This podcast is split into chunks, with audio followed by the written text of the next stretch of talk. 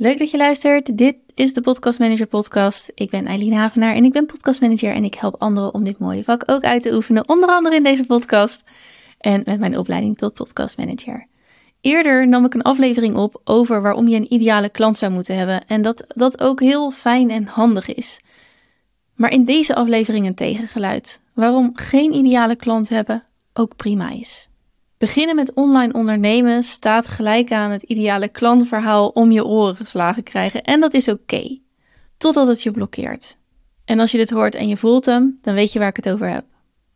Je hebt een mooie template gedownload, je hebt een masterclass gevolgd of je zit in het programma van een coach en je staart je helemaal blind op de knipperende cursor of de lege bladzijde voor je. Je weet het niet. Want waarom zou je voor Christine, de 33-jarige zelfstandige fitnessinstructeur, kiezen en niet voor de sportschoolketen om de hoek? En als je al weet wie je ideale klant is, wat als er dan iemand om de hoek komt zeilen die met je wil werken, maar die zeker niet je ideale klant is? Zeg je dan nee? Kijk, vooral als je begint, maar zeker ook als gevorderde ondernemer of eigenlijk tot in den eeuwigheid, klanten krijgen is een uitdaging. Ook als ze komen aanwaaien, want dan heb je weer andere uitdagingen. Maar klanten zijn onze, zijn jouw bread and butter. De reden van het voortbestaan van ons bedrijf. De mensen die je boterhammen betalen. Zonder omzet heb je geen onderneming, want een onderneming is een zaak die winst draait. En met al het gepraat over de ideale klant schaam je je bijna als je een klant aanneemt waarvan je al weet dat het verre van ideaal gaat zijn, maar die tenminste wat rekeningen betaalt. En, maar er is no shame in that. Er is, je hoeft je er niet voor te schamen. Helemaal niet. We hebben het allemaal.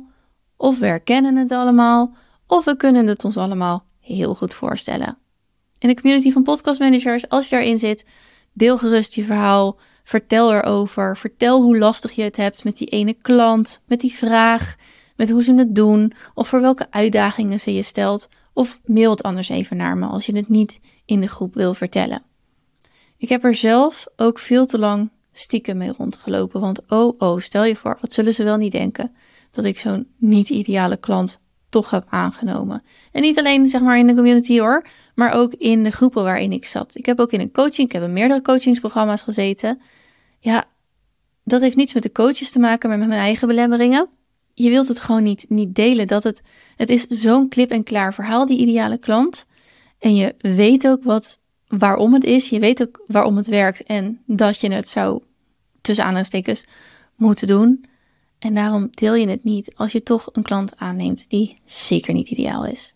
Klanten die onredelijke eisen stellen, klanten die niet kunnen betalen, de never-ending budget kwesties, Klanten die het ineens niet meer zo belangrijk vinden om een podcast te maken en een soort potveden terwijl ze nog niet eens zijn begonnen.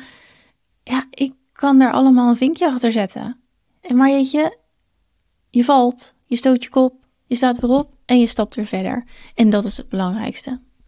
Dus, wat doe je als je een brok in je keel voelt opkomen, als ik of wie dan ook het over die ideale klant heeft?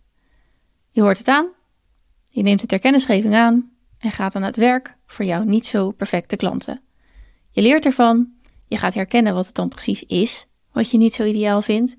Je leert je processen neerzetten, je leert praten met klanten, je leert voorstellen doen, je leert kennis maken.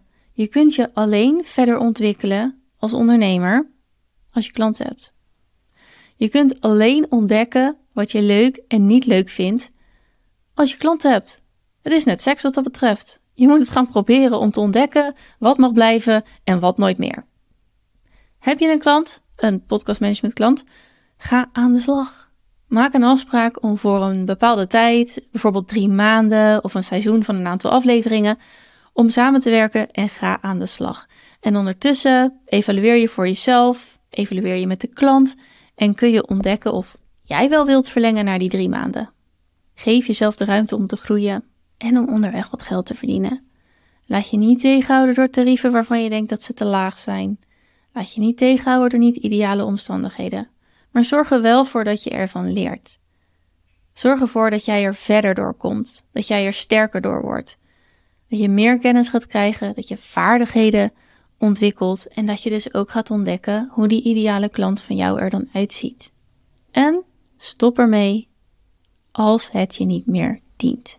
Als dat moment komt, na een korte of na een langere periode, kijk dan ook eens terug naar wat je ervan hebt geleerd.